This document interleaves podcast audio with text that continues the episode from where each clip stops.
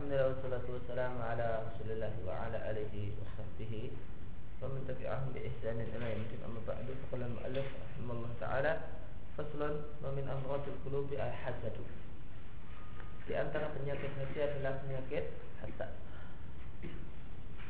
Hmm,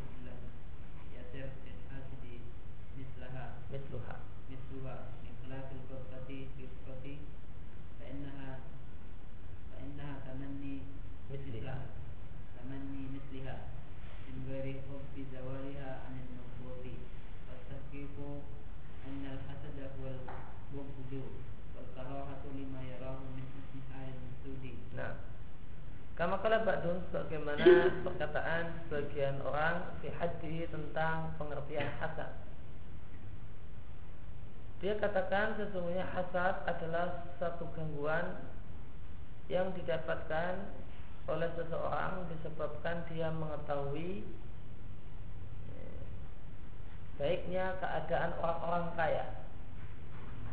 Artinya dia bukan orang kaya, Fala juzu maka tidaklah boleh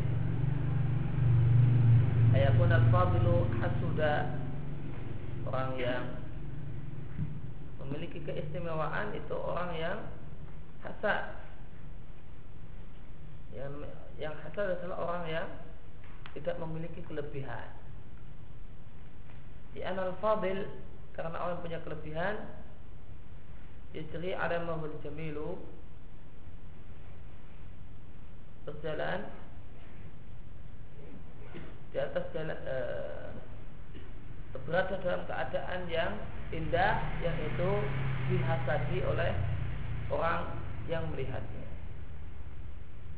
Sejumlah orang juga atau sejumlah ulama mengatakan tentang definisi hasad. Hasad adalah berangan-angan hilangnya nikmat dari orang yang dihasad. Meskipun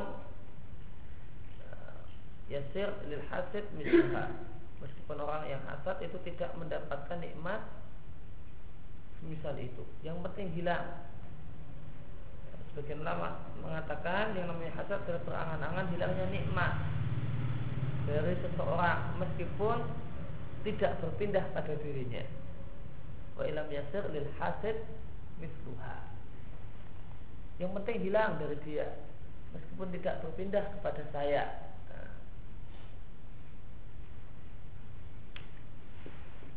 Dan hasad ini berbeda dengan ribta Karena kalau ribta adalah Pengertiannya adalah berangan-angan Agar mendapatkan nikmat Semisal yang didapatkan oleh orang lain. Min hubi Tanpa ada keinginan hilangnya nikmat Dari orang yang diribtai Watahtiq ya, Pendapat yang paling kuat tentang pengertian hasad Hasad adalah rasa benci. Uh, Al-burdu wal karahatu Benci dan benci Disebabkan Karena melihat Baiknya keadaan orang lain.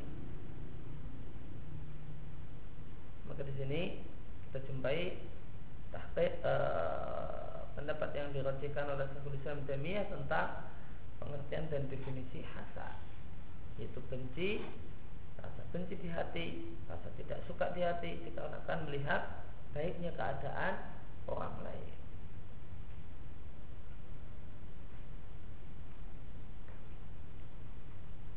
Dan pengertian ini uh, pengertian hasad yang disampaikan oleh Syekhul Islam ini sering kita jumpai di buku-buku Syekh Muhammad Abdul Utsaimin di Kitabul Ilmi dan di buku-buku beliau yang lain.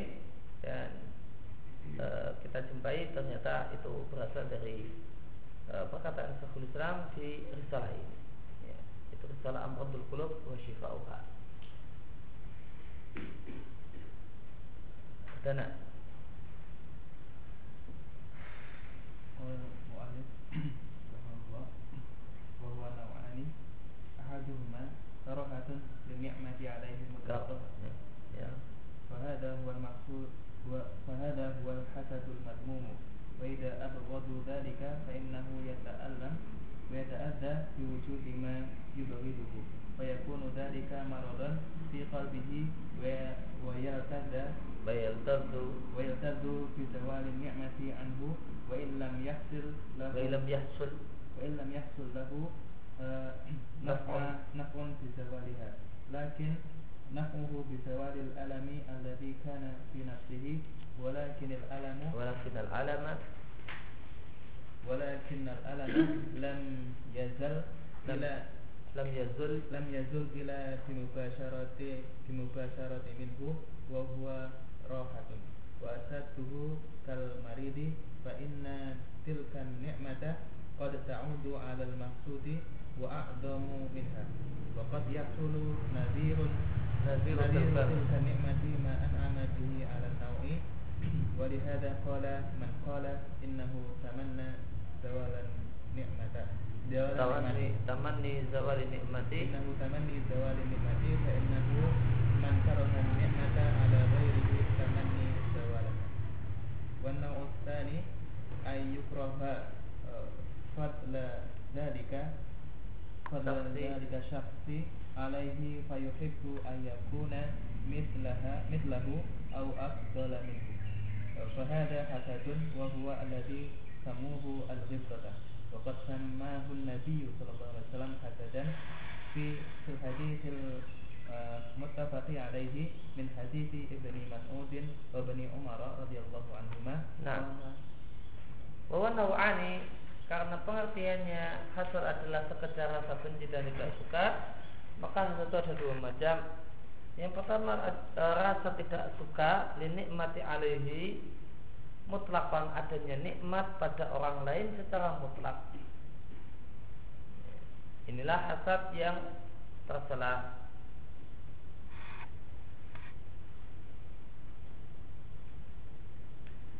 Faida abghadha dzalika maka jika dia telah membenci hal itu adanya nikmat pada orang lain maka dia merasa mendapatkan rasa sakit dan terganggu dengan adanya sesuatu yang dia benci.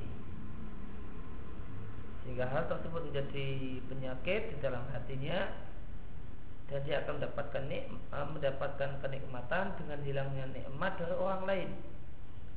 Meskipun orang ini tidak mendapatkan manfaat disebabkan hilangnya nikmat. Akan tapi manfaatnya adalah hilangnya rasa sakit yang ada dalam jiwanya. Itu nikmatnya. Rasa sakit yang dalam dalam jiwa itu bisa hilang. Akan tapi rasa sakit lam yazul tidaklah hilang. Illa bi mubasyaratin minhu wa wa rahatun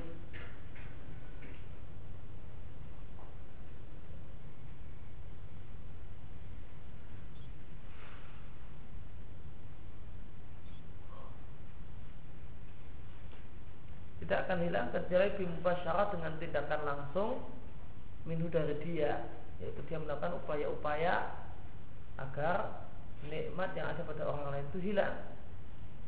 Warahatun dan ini adalah sebuah kenikmatan.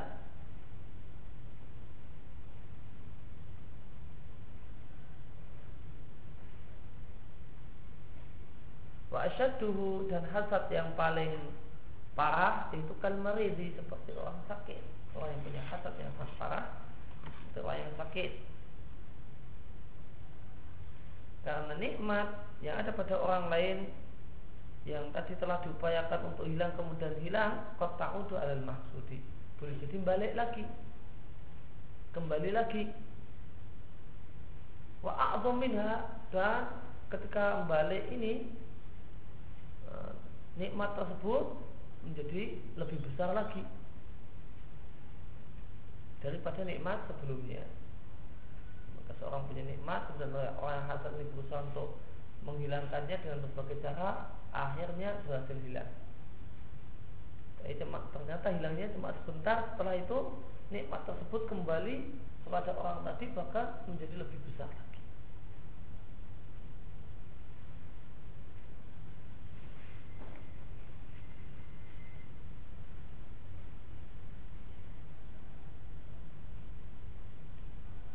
Faqad yahsul nadhi'u uh, tilka nikmati ma'an amabihi ala nawi Faqad yahsul dan boleh jadi terjadi dan boleh jadi terwujud nadhiru tilka nikmat yang sejenis dengan nikmat itu ma'an ma'an amabi ala nawi satu nikmat yang Allah berikan kepada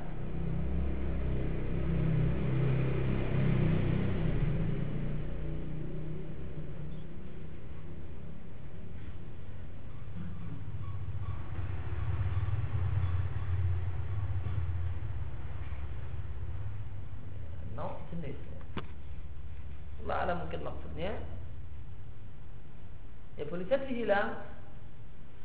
Eh, boleh jadi hilang sementara setelah diupayakan untuk hilang.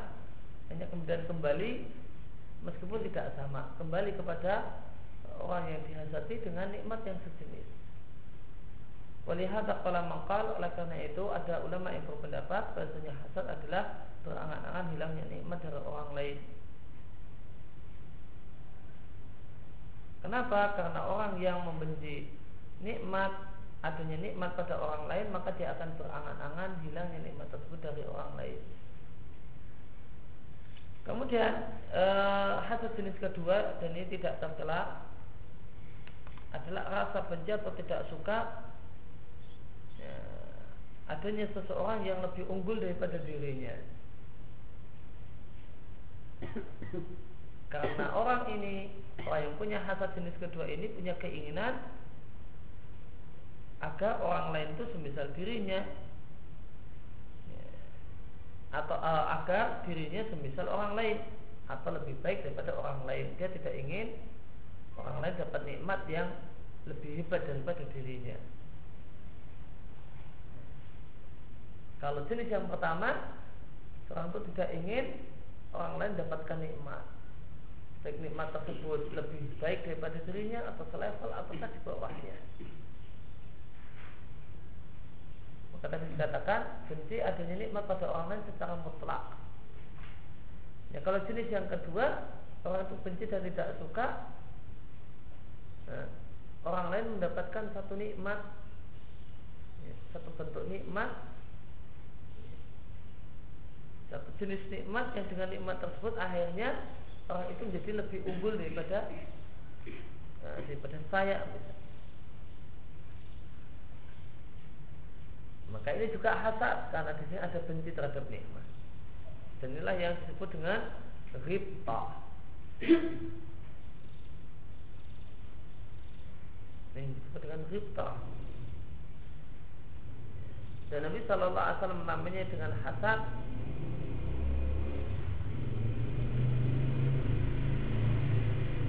Dalam hadis mutafakun alaih Muslim dari Ibnu Mas'ud dan Ibnu Umar radhiyallahu anhu Nabi mengatakan tidak ada hasad yaitu tidak ada ribtah ya, kecuali dalam untuk dua orang seorang yang Allah berikan padanya ilmu lalu dia bisa memutuskan perkara dengan ilmu tersebut dan mengajarkannya kepada banyak orang. Dan seorang yang Allah berikan padanya harta kemudian wassalatu ala halakatihi dia habiskan hartanya tersebut berhati dalam kebaikan. Ini redaksi dari sahabat Ibnu Mas'ud Sedangkan redaksi sahabat Ibnu Umar Yaitu seorang yang Allah berikan kepadanya Pemahaman terhadap Al-Quran ya, Atau seorang yang Allah berikan padanya Hafalan Al-Quran Dihafal Al-Quran Fahuwa yakumu bihi anak al-lail Lalu dia Sholat bihi dengan membaca Al-Quran Di tengah malam dan di waktu siang. Dan seorang yang Allah berikan padanya harta Lalu dia belanjakan harta tersebut dalam kebenaran dalam kebaikan di waktu malam dan siang. Dan hadis dilihatkan oleh Bukhari dari Abu Hurairah dengan redaksi tidak boleh ada hasad kecuali untuk dua orang. Seorang yang Allah berikan padanya hafalan Quran lalu dia membaca Al-Quran tersebut di waktu malam dan siang. Fasami'u rajulun lalu ada orang yang mendengar keberadaan orang ini. Lalu orang tersebut mengatakan dalam hatinya Ya laitani uti tumis lama utia hada Itu seandainya aku mendapatkan nikmat Bagaimana nikmat yang didapatkan oleh orang ini? Fa'amil tu fihi mislama ya'mal hada lalu aku bisa beramal ya, dengan nikmat tersebut sebagaimana amal yang dia kerjakan. Ya, artinya apa? Kalimat ini kalimat ribta Kemudian yang kedua adalah seorang yang Allah berikan padanya harta lalu dia belanjakan harta tersebut dalam kebaikan. Sehingga ada orang lain yang berkata seandainya aku mendapatkan nikmat sebagaimana nikmat yang didapatkan oleh orang-orang itu maka aku akan beramal sebagai mana amal yang dia kerjakan. Maka kalau kita lihat uh, redaksi Ibnu Mas'ud dengan Ibnu Umar, maka kita akan bisa uh, membuat kesimpulan bahasanya karena riwayat itu sebagian yang menjelaskan sebagian yang lain ini prinsip dalam jamak maka uh, kita katakan maka dua riwayat ini menunjukkan bahasanya sumber ilmu adalah Al-Quran. Siapa yang menguasai Al-Quran maka dialah orang yang lebih banyak ilmunya. Oleh karena itu di, di riwayat Ibnu Mas'ud disebut hikmah, di riwayat Ibnu Umar dikatakan Quran. Ini tidak bertentangan. Kenapa? Karena sumber hikmah, sumber kebijaksanaan, sumber ilmu adalah Quran. Kalau orang itu menguasai Al-Quran, hafal Al-Quran, paham dengan Al-Quran, dan pandai mengambil istimbat dari Al-Quran, mengambil pelajaran dari Al-Quran, maka dia punya ilmu yang Masya Allah buatnya.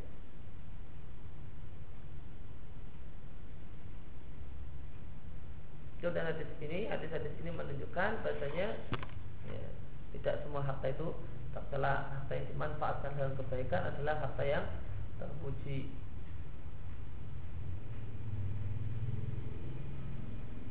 Ahmad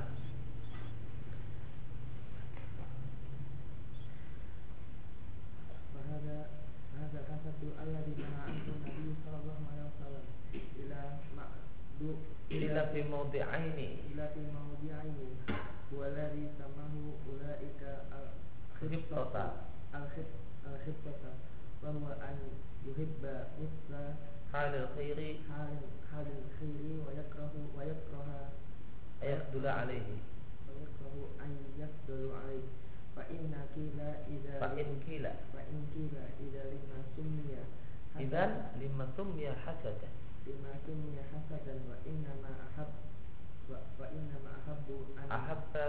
an wa inna ma ahabba an yan'ama an yan'ama Allahu. an yan'ama Allahu alaihi kila mubda'an. Mabda'u. Kila mubda'u. Mabda'u hadzal hubbi. Kila mabda'u hadal hubbi. Wa nazaruhu. Nazaruhu. Iya in itu bukan iya bukan iya itu. Eh, yang tepat. Ila. Ila in amahu. Ila in amihi. Ila in amihi alal khairi. Alal khairi. Alal khairi. Wa karahatihi wa karahatuhu wa karahatuhu an yabdala alaihi walaula wujuda dzalika walaula wujudu dzalikal khairi. Walaula wujudu dzalikal khairi lam yuhib dzalik. Man lam yuhibba dzalika. Falamma kana falimma kana falimma kana mubda mabda'u. mabda'u dzalika karoh karahatahu. karohatahu an yasdola alaihi alaihi al-ghairu ghairu kana hasadan li annahu karohatu karahatun karohatun tattaba'u.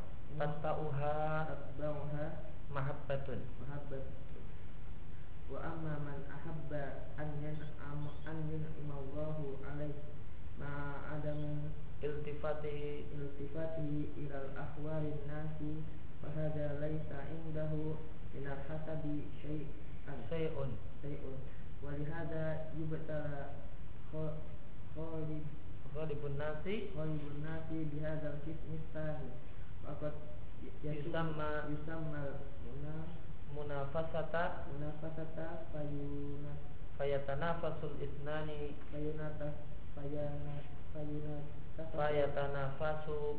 Fayata fayana fayatanafasul isnani fil amril mahbubin al matlubi kulluhuma kilahuma. Kulluhuma yatlubu an ya'khudhahu nah. Fahadal hasadu maka hasad yang Nabi larang kecuali dalam dua perkara adalah hasad yang diberi nama oleh banyak ulama dengan istilah hibtah yaitu rasa suka eh, agar semisal dengan keadaan orang lain dan ada rasa benci jika orang lain itu lebih baik daripada dirinya. Jika ada yang bertanya kenapa ribta itu disebut hasad, disebut oleh Nabi hasad, padahal hakikat ribta adalah rasa suka agar Allah memberi nikmat pada dirinya sebagaimana Allah memberi nikmat pada orang lain. Maka jawabannya adalah mabda. Ya, maka melihat dari landasan dari rasa cinta ini.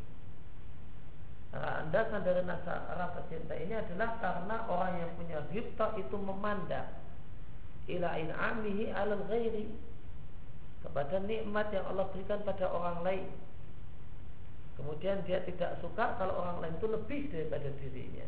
Ini awalnya. Baru setelah itu timbul rasa cinta agar Allah atau rasa keinginan agar Allah memberikan nikmat pada dirinya. Seandainya bukan karena adanya orang lain, lam yuhibba. Maka tentu orang tersebut tidak punya keinginan untuk mendapatkan nikmat agar mendapatkan nikmat sebisa nikmat orang lain maka di, mengingat karena mabda karena landasan rasa e, rasa keinginan tersebut adalah rasa benci adanya orang lain yang melebihi dirinya maka ini disebut hasad. Karena hakikat ghibtah adalah rasa benci kemudian diiringi dilanjutkan dengan rasa cinta atau keinginan. Maka kita lihat ada dua jenis hasad ini. Itu ternyata karena ghibtah itu Nabi sebut dengan hasad ternyata dua jenis hasad ini punya titik kesamaan yaitu karoha rasa benci. Itu titik kesamaan yang ada pada dua jenis hasad ini. Maka ini menunjukkan pengertian hasad secara syar'i adalah rasa benci. Boleh boleh, boleh jadi rasa benci terhadap nikmat pada orang lain secara mutlak atau nikmat pada nikmat khusus yang ada pada orang lain yaitu nikmat eh, eh, nikmat yang lebih daripada yang dia didapatkan oleh orang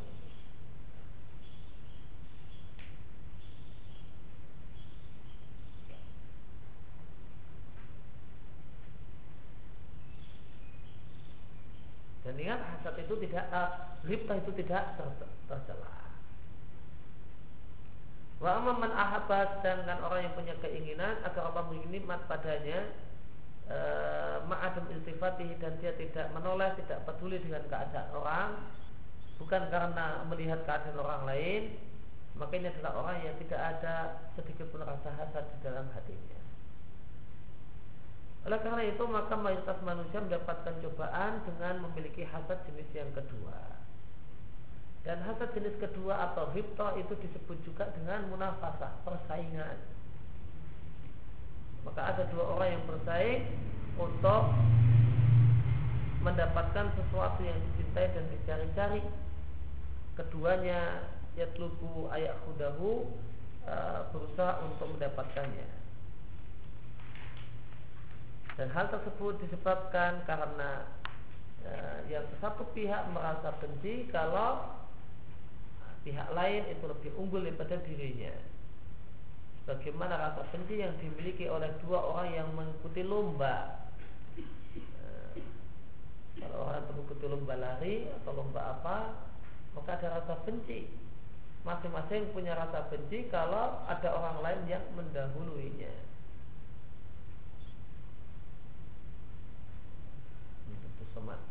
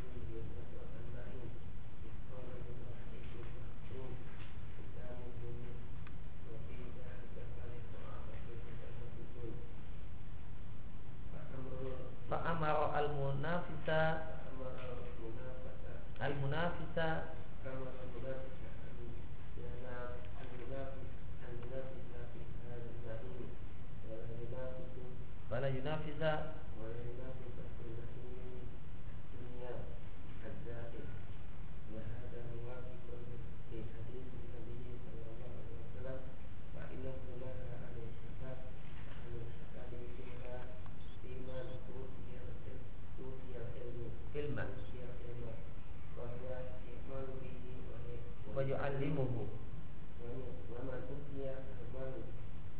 Al-mal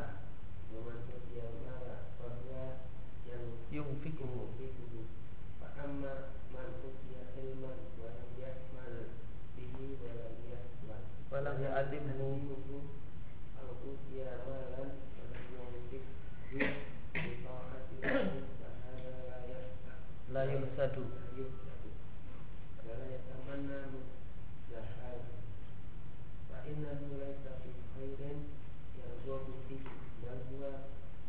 mu'arradun معرض للعذاب ومن ولي ولاية wilayatan ومن ولي ولاية فيأتيها بعلم وعدل وأدى الأمانة al amanati وأدى وأدى الأمانة al amanati الأمانة إلى أهلها membahas kama bainan nasi.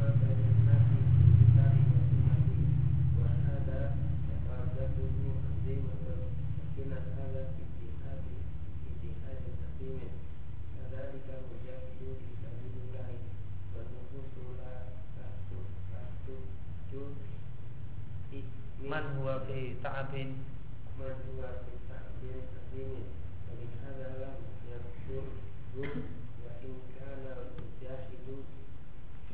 لله أفضل afdala أفضل من min alladhi yunfikul mala من الذي ينفق المال بخلاف المنفق munfiqi wal muallimi والمؤمن wal muallimi وغيره فإن هذين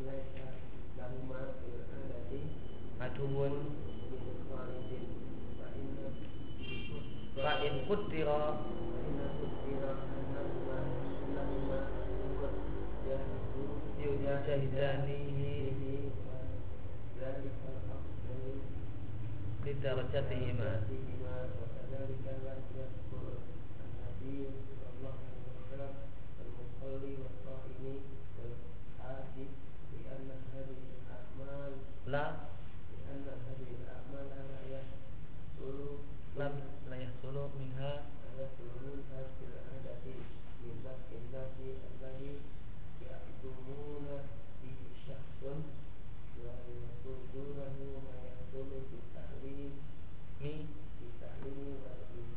Nah, dan bersaing tidaklah semuanya tercela akan tetapi bersaing itu terpuji kalau dalam kebaikan. Allah berfirman, "Sesungguhnya orang-orang yang baik sungguh dalam kenikmatan itu surga, mereka di atas dipan-dipan memandangi memandangi nikmat surga, demikian juga memandangi para penghuni neraka nonton. Ta'rifu fi wujuhim kau lihat pada wajah mereka kecemerlangan e, karena mendapatkan banyak nikmat. Mukanya berseri-seri karena dapat nikmat. Dan mereka diberi minum min dari khamar maktumin yang di e, yang disegel yang tutupnya disegel. Kita mengumiskun tetes terakhir dari khamar tersebut bagikan bau kasturi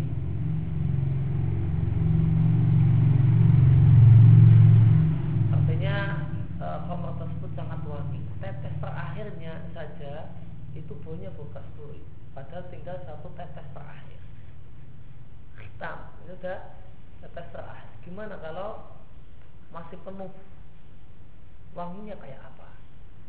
Padahal tinggal tetes terakhir yang tentu daya wanginya itu sudah tidak begitu kuat itu masih bau kasturi gimana kalau masih utuh maka itu adalah ah, satu yang sangat khamar yang sangat sangat wangi Wafidzalika falyatanafasul mutanafisun dan dalam hal itu yaitu nikmat surga hendaklah orang-orang bersaing. maka Allah Subhanahu wa taala memerintahkan orang yang bersaing untuk bersaing dalam nikmat ini. Yaitu nikmat surga dan tidak bersaing dalam nikmat dunia yang pasti hilang. Sehingga ayat di atas yang memerintahkan bersaing itu sejalan dengan hadis Nabi tentang tidak boleh hasad kecuali untuk dua orang. Maka Nabi Shallallahu Alaihi Wasallam melarang hasad yaitu hibtah kecuali untuk orang yang diberi ilmu, lalu orang yang punya ilmu ini mengamalkan ilmunya dan mengajarkannya. Dan yang kedua orang yang diberi harta, lalu orang yang punya harta ini membelanjakannya dalam kebaikan. Sedangkan orang yang punya ilmu namun tidak mengamalkan ilmu, tidak pula mengajarkan atau orang yang diberi harta namun tidak membelanjakannya dalam ketaatan kepada Allah, maka orang ini tidak perlu dihasati. Maka orang ini tidak perlu dihasati.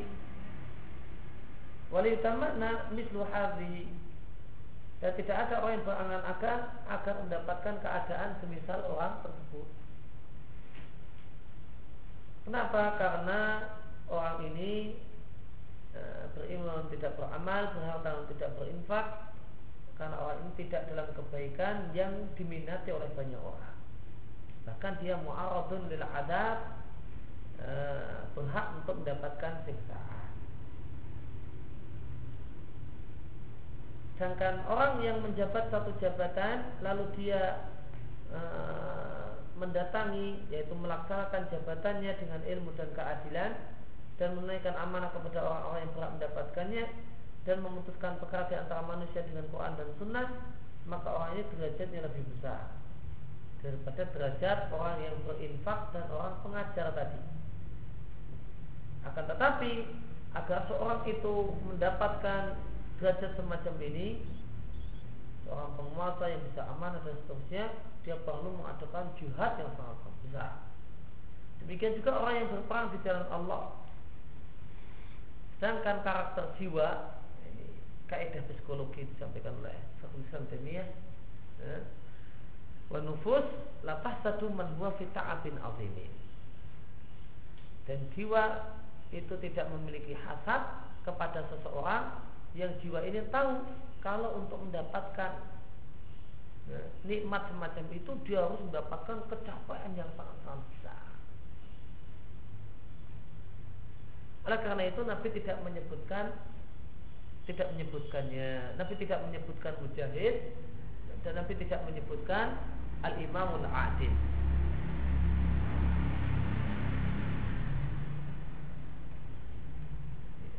Meskipun mujahid di jalan Allah itu lebih afdal daripada orang yang gemar berinfak kembali berinfak.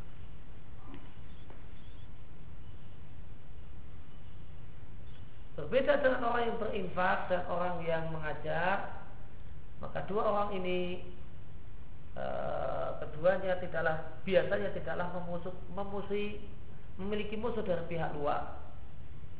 Fa'in kudio maka seandainya diandaikan keduanya memiliki musuh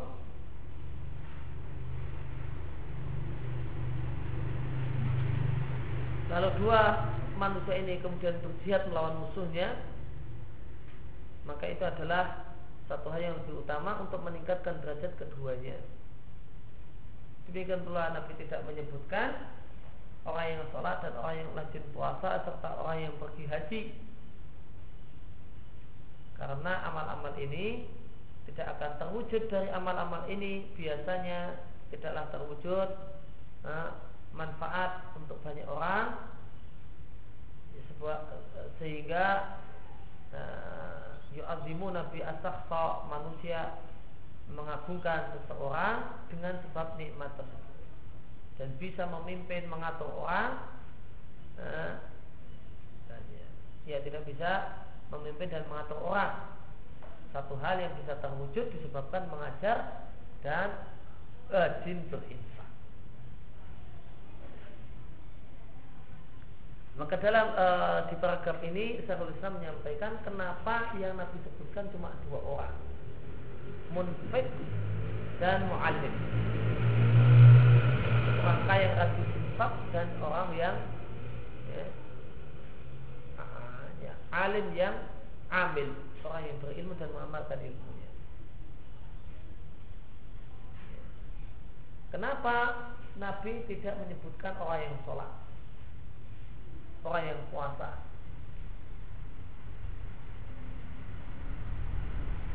Maka jawaban Syekhul Islam sebabnya adalah karena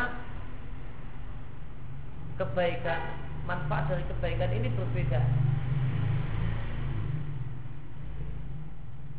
Kalau orang itu rajin berinfak, maka masyarakat itu akan memuliakannya.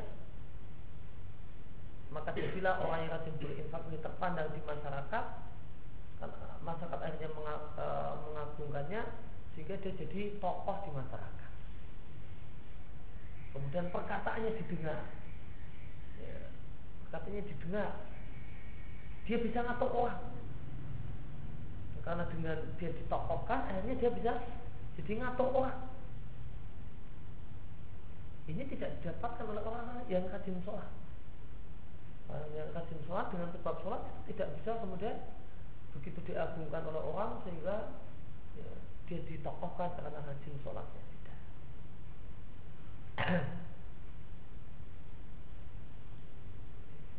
Maka tidak ada pesaingnya. Maka tidak ada orang yang punya keinginan agar semisal orang yang sholat itu jarang-jarang nah, karena orang punya keinginan ini karena rajin berinfak akhirnya dia jadi tokoh perkataannya didengar orang kemudian kelihatan ya, pengaruh dari rajin infak tersebut. Maka kemudian ada muncullah orang-orang yang berangan-angan ah, seandainya saya punya harta semisal demikian juga seorang dai. Seorang dai seorang guru yang ngajar di, ya, di kampungnya atau di ya, di tempat-tempat yang lain. Akhirnya karena dia nah, orang yang berilmu yang bisa kemudian ngajar pintar ngajar orang kagum akhirnya dia tertokohkan nah, ada apa-apa orang berkonsultasi sama orang ini nasihatnya didengar.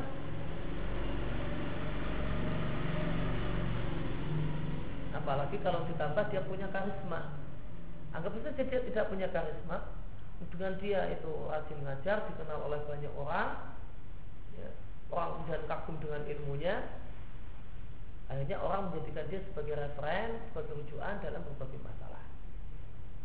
Ya, nasihatnya didengar perintahnya di, diperhatikan. Nah ini kemudian menyebabkan sebagian orang ini tidak bisa didapatkan tidak didapatkan oleh orang yang uh, rajin sholat dan rajin puasa.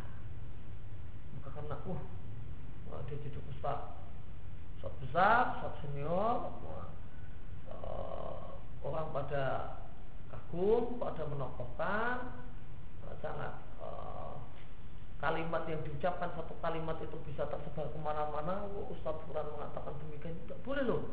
Maka orang pun pada takut melakukannya ketika ini dikatakan Wah, tidak boleh. Maka dia bisa mengatur manusia. Ya sudun. Ya sudunahu. Dan dia menjadi satu hal yang agung di hati manusia. Dan maka muncullah orang-orang yang karena melihat dampak dari nikmat mengajar tadi, eh, maka kemudian muncullah orang-orang yang punya angan-angan agar mendapatkan nikmat semacam semisal orang tersebut. Ini alasan penjelasan Syekhul Islam kenapa tidak disebutkan orang yang sholat dan orang yang berpuasa, orang yang berhaji. Karena amal-amal ini tidak membuahkan faedah berupa ditokohkan, penokohan. Berbeda dengan amal infak dan amal mengajar dan berdakwah. Ini buahnya ada penokohan di masyarakat. Nah ini yang mendorong orang untuk kemudian berangan-angan agar mendapatkan nikmat semisal nikmat yang didapatkan oleh dua orang tadi. Kemudian sebelumnya Syarul Islam menyebutkan kenapa Nabi tidak menyebutkan mujahid. Ya. Ya. Kenapa Nabi tidak menyebutkan mujahid? Atau kenapa Nabi tidak menyebutkan imamun adil, pemimpin yang bisa uh, ngatur dengan baik, Nah, kenapa Nabi tidak menyebutkan adanya ribtah untuk uh, mujahid, orang yang berperang di jalan Allah atau imamun adil, maka Syekhul Islam menjelaskannya dengan menyampaikan nah, faedah psikologi. Yaitu wa nufusu la tahsudu uh, man huwa fi ta'afil karena orang itu tidak punya sifat hasad punya keinginan untuk semisal dengan orang lain ketika dia tahu kalau untuk bisa mendapatkan nikmat semacam itu dia harus capek-capek mati-matian.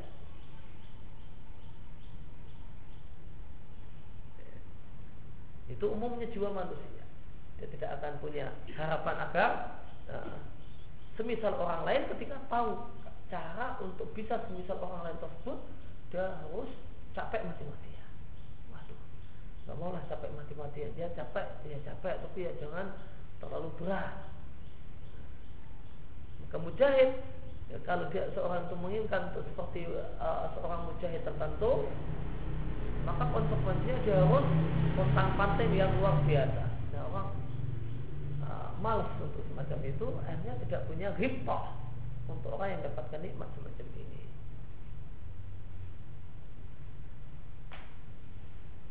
ya putih.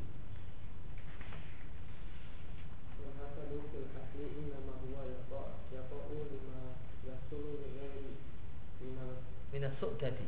minasuk dadi wariyasati wa illa fal amilu la yasudu fil fil iba fil adati.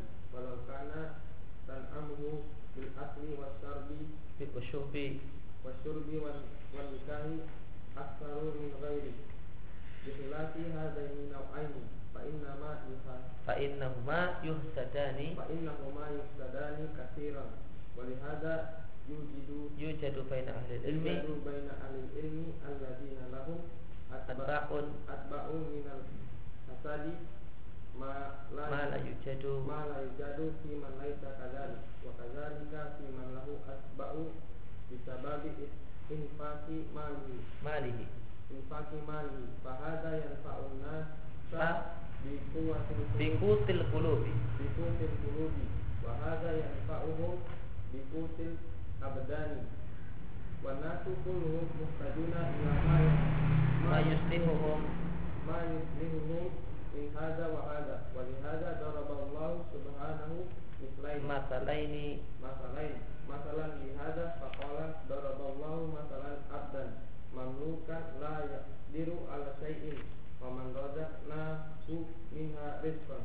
Hasanan fa huwa yunfiqu minhu sirran wa jahran hal yastawuna hal yastawuna alhamdulillah bal aktsaru la ya'lamun.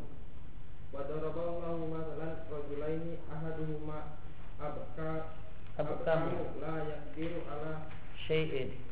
ala syai'in wa huwa kallun ala maulahu. Ala maulahu aynama yuwajjihu. yuwajjihuhu la bi khairin hal yastawi wa wa man ya'muru bil adli wa huwa ala siratin mustaqim. Wal masalani nah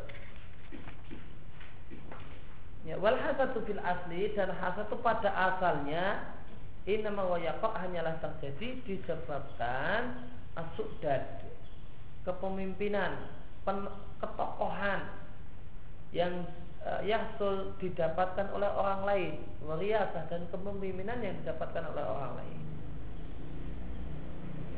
Oleh karena itu fal amir lain satu bila ada. Oleh karena itu maka orang yang biasa-biasa seorang buruh yang biasa-biasa lain satu ada. Tidak ada orang yang hasad sama buruh biasanya. Ya. seorang buruh seorang yang biasa. Biasa itu biasanya tidak ada orang yang hasad sama orang ini. Walau karena tanah umuhu bil akli wa surbi meskipun nikmat yang dia dapatkan dengan makan minum dan nikah itu lebih banyak daripada yang lain. Karena dia apa? Orang biasa-biasa saja Berbeda dengan dua jenis manusia ini, maka dua jenis manusia, manusia ini sering mendapatkan ya, sering ada orang yang hasad dengannya. Kenapa? Karena dia menjadi tokoh dan memimpin orang. orang kaya yang rajin infak jadi tokoh dai atau pengajar yang menyebarkan ilmu jadi tokoh Walihat adalah karena itu dijumpai di antara para ulama ya, para ulama yang punya banyak pengikut. Maka ulama yang punya banyak pengikut ini biasanya mendapatkan hasad dari banyak orang. Satu hal yang tidak dijumpai untuk ulama yang tidak punya pengikut. Ulama yang tidak punya pengikut ya pengikut-pengikut yang setia ya, maka ya biasa-biasa saja besar banyak nah ini ya. Banyak banyak pesaingnya banyak hasadnya banyak orang yang hasad dengannya. Demikian pula orang yang punya pengikut disebabkan karena rajin menginfakkan harta.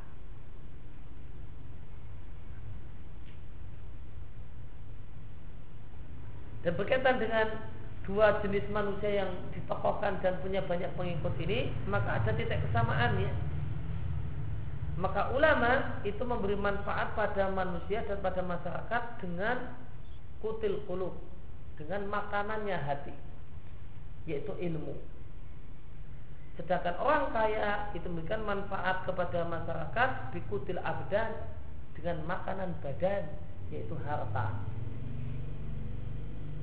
dan manusia masyarakat seluruh mereka membutuhkan pada sesuatu yang bisa memperbaiki mereka baik ilmu ataupun harta. Oleh karena itu Allah Subhanahu wa taala membuat dua permisalan di surat An-Nahl yang ke-75. Allah Subhanahu wa taala membuat permisalan dengan seorang budak yang dimiliki lektur ala syai yang dia tidak mampu untuk berbuat apa pun karena dia itu budak dan bukan orang yang memiliki. Waman. Dan orang yaitu orang merdeka. Razaqnahu minna rizqan hasanah yang kami berikan padanya rezeki yang baik. Lalu dia infakkan hartanya tersebut siran wa jahra. Di waktu uh, sembunyi-sembunyi dan terang-terangan. Hal yas uh, Hal yastawun apakah dua manusia ini sama? Budak sama orang merdeka budak yang tidak punya apa-apa sehingga tidak eh, lektir ala syai. Tidak mampu untuk melakukan apa-apa karena dia tidak punya harta. Maka itu mengisyaratkan bagi orang yang punya harta itu yang mampu untuk berbuat apa-apa. Ya, budak atau Allah Subhanahu wa taala layak ala syai, tidak mampu berbuat apa-apa karena dia tidak punya apa-apa. Ya. Maka orang yang punya duit dan itulah yang mampu untuk berbuat apa-apa. Karena dia punya duit. Ini pentingnya duit, ya. Pentingnya duit dengan orang yang punya duit, ya dir ala syai. Orang yang nggak punya duit, semacam budak yang tidak punya apa-apa, Allah katakan layak dir ala syai tidak bisa berbuat apa-apa.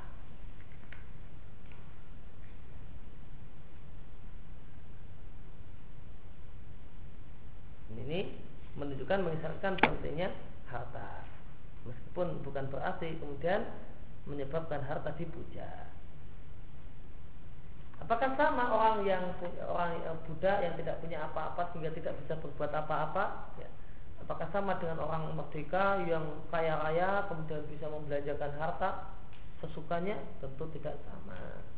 Alhamdulillah jika demikian jawabannya itu tidak sama maka segala puji milik Allah akan tapi mayoritas mereka tidak mengetahuinya. Mereka tidak mengetahui azab yang akan mereka dapatkan. Dan Allah Subhanahu wa taala membuat permisalan dua orang yang satu adalah abkam abkam itu adalah orang yang sejak lahir sudah dalam keadaan bisu nggak bisa ngomong sejak ngomongnya sejak lahir itu namanya abkam layak tiru ala syekh yang dia tidak bisa berbuat apa-apa. Kenapa tidak bisa berbuat apa-apa? Karena tidak punya ilmu. Maka ini menunjukkan kalau orang yang punya ilmu itulah yang bisa berbuat apa-apa. Orang yang punya ilmu ya tidak bisa berbuat banyak hal. Bahwa kalon dan ya, orang yang bisu sejak lahir tadi kalau menjadi beban ala maulahu ya, menjadi beban bagi orang yang mengurusinya yaitu keluarganya. Aina ma yuwasihu orang yang bisu semacam ini di mana saja dia disuruh layak tibi khairin. Maka dia tidak bisa mendatangkan kebaikan artinya tidak berhasil. Karena dia tidak punya ilmu nggak bisa paham diperintah untuk melakukan apa pun tidak ada yang beres ada yang beres Hal apakah orang yang bisu semacam itu sama Waman ya'mur bil adli dengan orang yang bisa paham sehingga bisa memerintahkan keadilan. Artinya apa? Orang itu bisa ngomong dengan omongan yang bisa memanfaat, memberi manfaat untuk banyak orang. Dia bisa memerintah dan bisa memotivasi. Sedangkan orang tersebut di atas jalan yang lurus.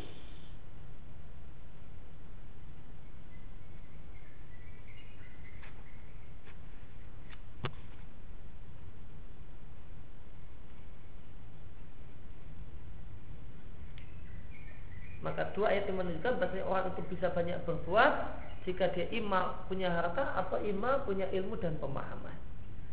Wal masalani dan dua permisalan di atas Allah buat untuk dirinya yang suci dan untuk berbagai sembahan yang disembah selainnya. Maka berhala Allah permisalkan dengan e, dengan orang yang bisu sejak lahir dan Allah permisalkan dengan ya, budak yang tidak punya apa-apa sehingga tidak bisa berbuat apa-apa. Sedangkan Allah Subhanahu wa taala itu Allah misalkan dengan orang yang bisa ngomong, bisa memerintah, memerintahkan yang baik atau orang yang punya harta berlimpah sehingga bisa berbuat sesukanya. Karena berhala la takdir tidaklah kuasa untuk melakukan perbuatan yang bermanfaat, tidak pula berkuasa untuk mengucapkan kalimat yang manfaat.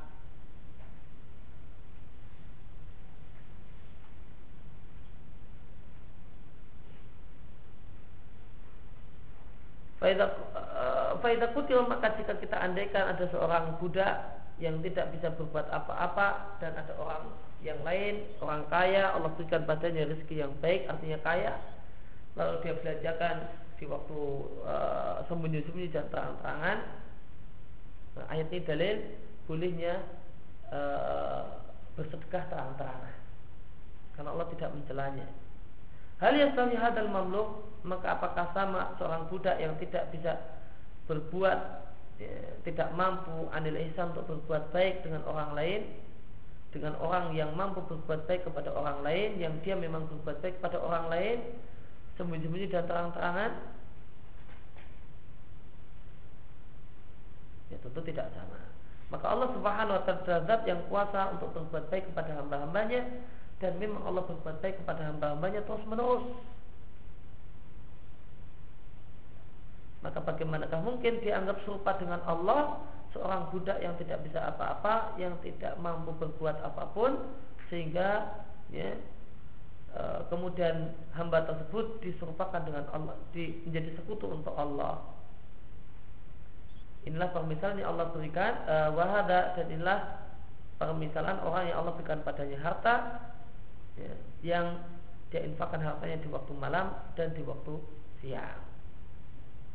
Kemudian permisalan yang kedua jika kita andaikan ada dua orang yang satu bisu sejak lahir sehingga tidak bisa berakal, tidak bisa menggunakan akal dan tidak bisa berbicara sehingga tidak mampu ala syai melakukan apa pun. Sudah demikian wa ma'ahada meskipun sudah demikian kalun ala maulahu dia menjadi beban bagi orang-orang yang mengurusi dirinya yaitu keluarganya.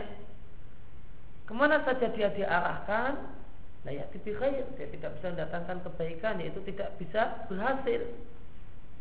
Maka tidak ada pada diri orang ini minnah en ya, tidak ada pada dirinya manfaat sama sekali. Bahkan dia menjadi beban pada orang yang mengurusinya Sedangkan yang kedua adalah orang yang alim, orang yang punya ilmu, orang yang adil dan memerintahkan orang untuk berbuat adil dan dia sendiri mempraktekkan keadilan.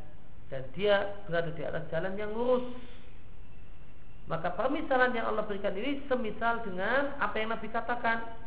Itu seorang yang Allah berikan padanya hikmah, ilmu, lalu dia mempraktekkan ilmu dan mengajarkannya pada banyak orang. Dan Allah Subhanahu wa taala telah membuat permisalan tersebut untuk dirinya karena Allah Subhanahu wa taala adalah zat yang berilmu, zat yang adil dan zat yang e, mampu ya, untuk memerintahkan keadilan. Dan Allah memang menegakkan keadilan dan di atas jalan yang lurus. Sebagaimana firman Allah Subhanahu wa taala Allah Subhanahu wa taala bersaksi tiada sembah yang berhak sembah melainkan Dia, demikian pula para malaikat dan orang-orang yang berilmu menegakkan keadilan, tiada sembah yang berhak sembah kecuali Dia yang Maha perkasa lagi Maha bijaksana. Kemudian Allah berfirman melalui lisan Nabi Hud, sesungguhnya Tuhanku di atas jalan yang lurus.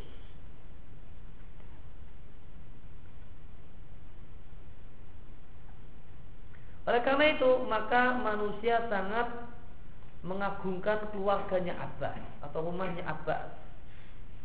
Karena di rumah tersebut terdapat Abdullah bin Abbas yang dia punya keistimewaan yu'alimun nasa, mengajar banyak orang. Dan ada lagi saudaranya Abdullah bin Abbas, tidak tahu siapa dia. Yu'taimun nasa, punya amal yaitu suka bagi-bagi makanan, memberi makan banyak orang. Maka banyak orang pun mengagungkan keluarga Abbas karena hal ini. Demikian pula satu hari sahabat Muawiyah bin Abi Sufyan melihat manusia bertanya kepada Abdullah bin Umar tentang manasik haji. Maka ini berarti kejadian di musim haji. Kemudian Ibn Umar memberikan fatwa kepada mereka. Maka komentar Muawiyah dan tidak ada yang ngumpuli Muawiyah. Nah, Muawiyah melihat banyak orang menghubungi Ibnu Umar. Bertanya ini dan itu tentang masalah tata cara manasik haji. Nah, dan tidak ada yang menghubungi Muawiyah. Fakal maka sahabat Muawiyah bin Abi Sufyan mengatakan wallahi syarahu demi Allah inilah yang yang disebut kemuliaan semacam ini. Nah, jadi raja namun tidak ada yang menghubungi tidak ada orang nggak ada orang yang peduli Nah, ini kurang mulia kalah mulia dengan orang biasa namun begitu dia datang ke suatu tempat langsung dikuduki banyak orang ditanya ini tanya itu. Aunah hudalika atau kalimat semacam itu. Maka di sini Syekhul e, menyampaikan satu e, istimbat yang menarik. Bahasa surat An-Nahl 75 dan 76 itu persis dengan dua hadis Nabi tentang rito e, persis tentang uh, dua hadis uh, apa hadis Nabi? Ya, tentang rito uh, di ayat 75 Allah memuji uh, orang kaya yang rajin berinfak. Uh, wajah kemudian yang kedua di ayat 76 Allah memuji orang yang bisa ngomong ya ya bil adil bisa ngomong yang manfaat untuk banyak orang maka surat An-Nahl 75 dan 76 itu mirip apa punya keserupaan dengan ya, hadis Nabi Shallallahu Alaihi Wasallam tentang ribta tentang jenis manusia yang tidak boleh ada ribta kecuali untuk dua orang tersebut. Dan demikianlah yang kita pada kesempatan ini. Wassalamualaikum warahmatullahi wabarakatuh. Wa ala alihi wasallam. Wa